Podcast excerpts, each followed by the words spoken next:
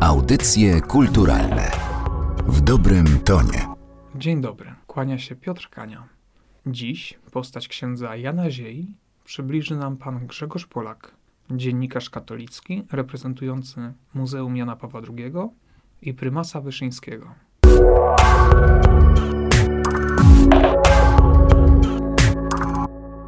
Niezwykły świadek historii.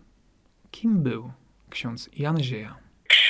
Zieja był przede wszystkim prorokiem Ewangelii, więc to był człowiek zafascynowany Ewangelią, bezkompromisowym wyznawcą, człowiekiem radykalnym w jej głoszeniu, który nie szedł na żadne kompromisy tam, no po prostu wziął sobie do serca słowa Chrystusa, niech wasza mowa będzie tak, tak, nie, nie.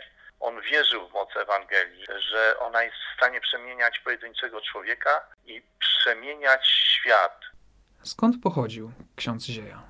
Pochodził z takiej niewielkiej wsi Osse, niedaleko Opoczna. Tam funkcjonowało w tej społeczności takie porzekadło. Skądeście? Z Ossego. Nie ma psa gorszego. A ksiądz Zieja jak gdyby temu zaprzeczył, bo z rodzinnej wsi dzięki matce wyniósł głęboką wiarę i stał się niepospolitym księdzem, który wyprzedził swoją epokę, chociażby wobec swojej otwartości wobec Żydów y, i prawosławnych.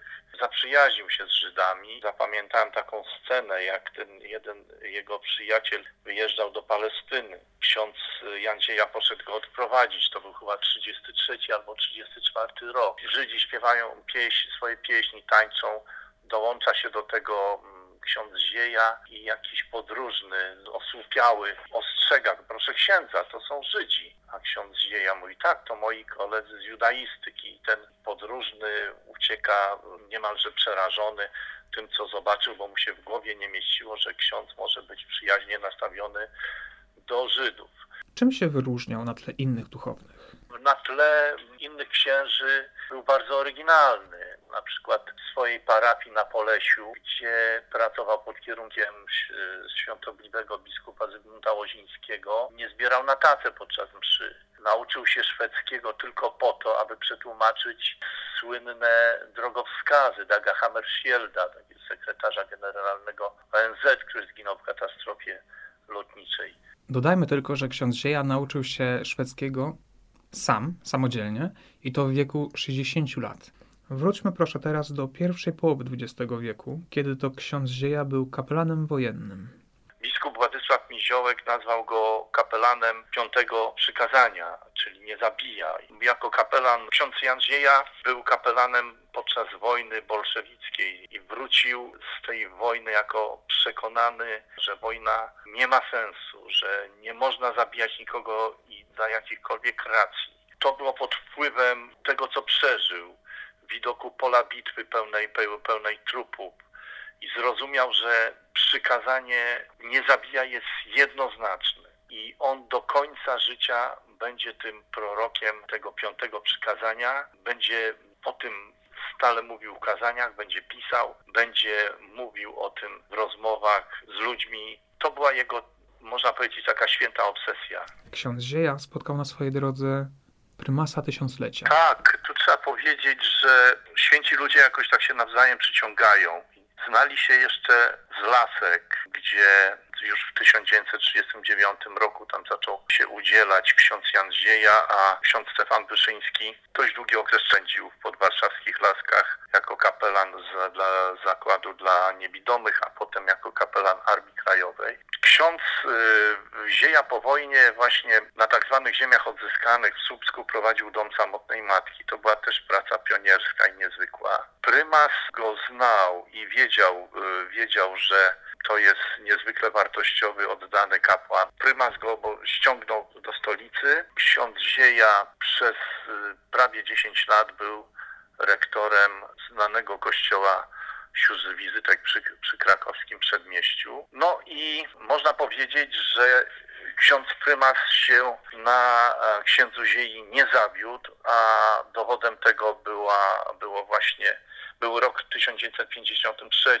kiedy to prymas został bezprawnie aresztowany i uwięziony i wówczas w odważnym kazaniu ksiądz Zieja poruszył ten temat, a to był temat tabu. W ogóle można sobie wyobrazić sytuację w czasach stalinowskich, kiedy wszyscy byli zastraszeni, kiedy nawet na ambonie księża byli bardzo powściągliwi, obawiając się straszliwych represji. Komuniści byli do, do wszystkiego zdolni. Nie wiadomo było, jak tam się sytuacja rozwinie a on tutaj mówi, że y, prymas został uwięziony i że bronili go wówczas tylko Niemiec i pies. Chodziło o administratora diecezji warmińskiej, księdza Wojciecha Cinka, autochtona, który nie dopuścił do tego, żeby z ambon było czytane oświadczenie Rady Państwa o aresztowaniu prymasa i pies Baca, który w momencie, gdy funkcjonariusze UB przyszli aresztować prymasa, pogryzł jednego, pogryzł jednego z ubeków.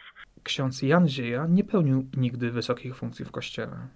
Krótko był proboszczem, a jednak wywarł ogromny wpływ na Polaków i polski kościół.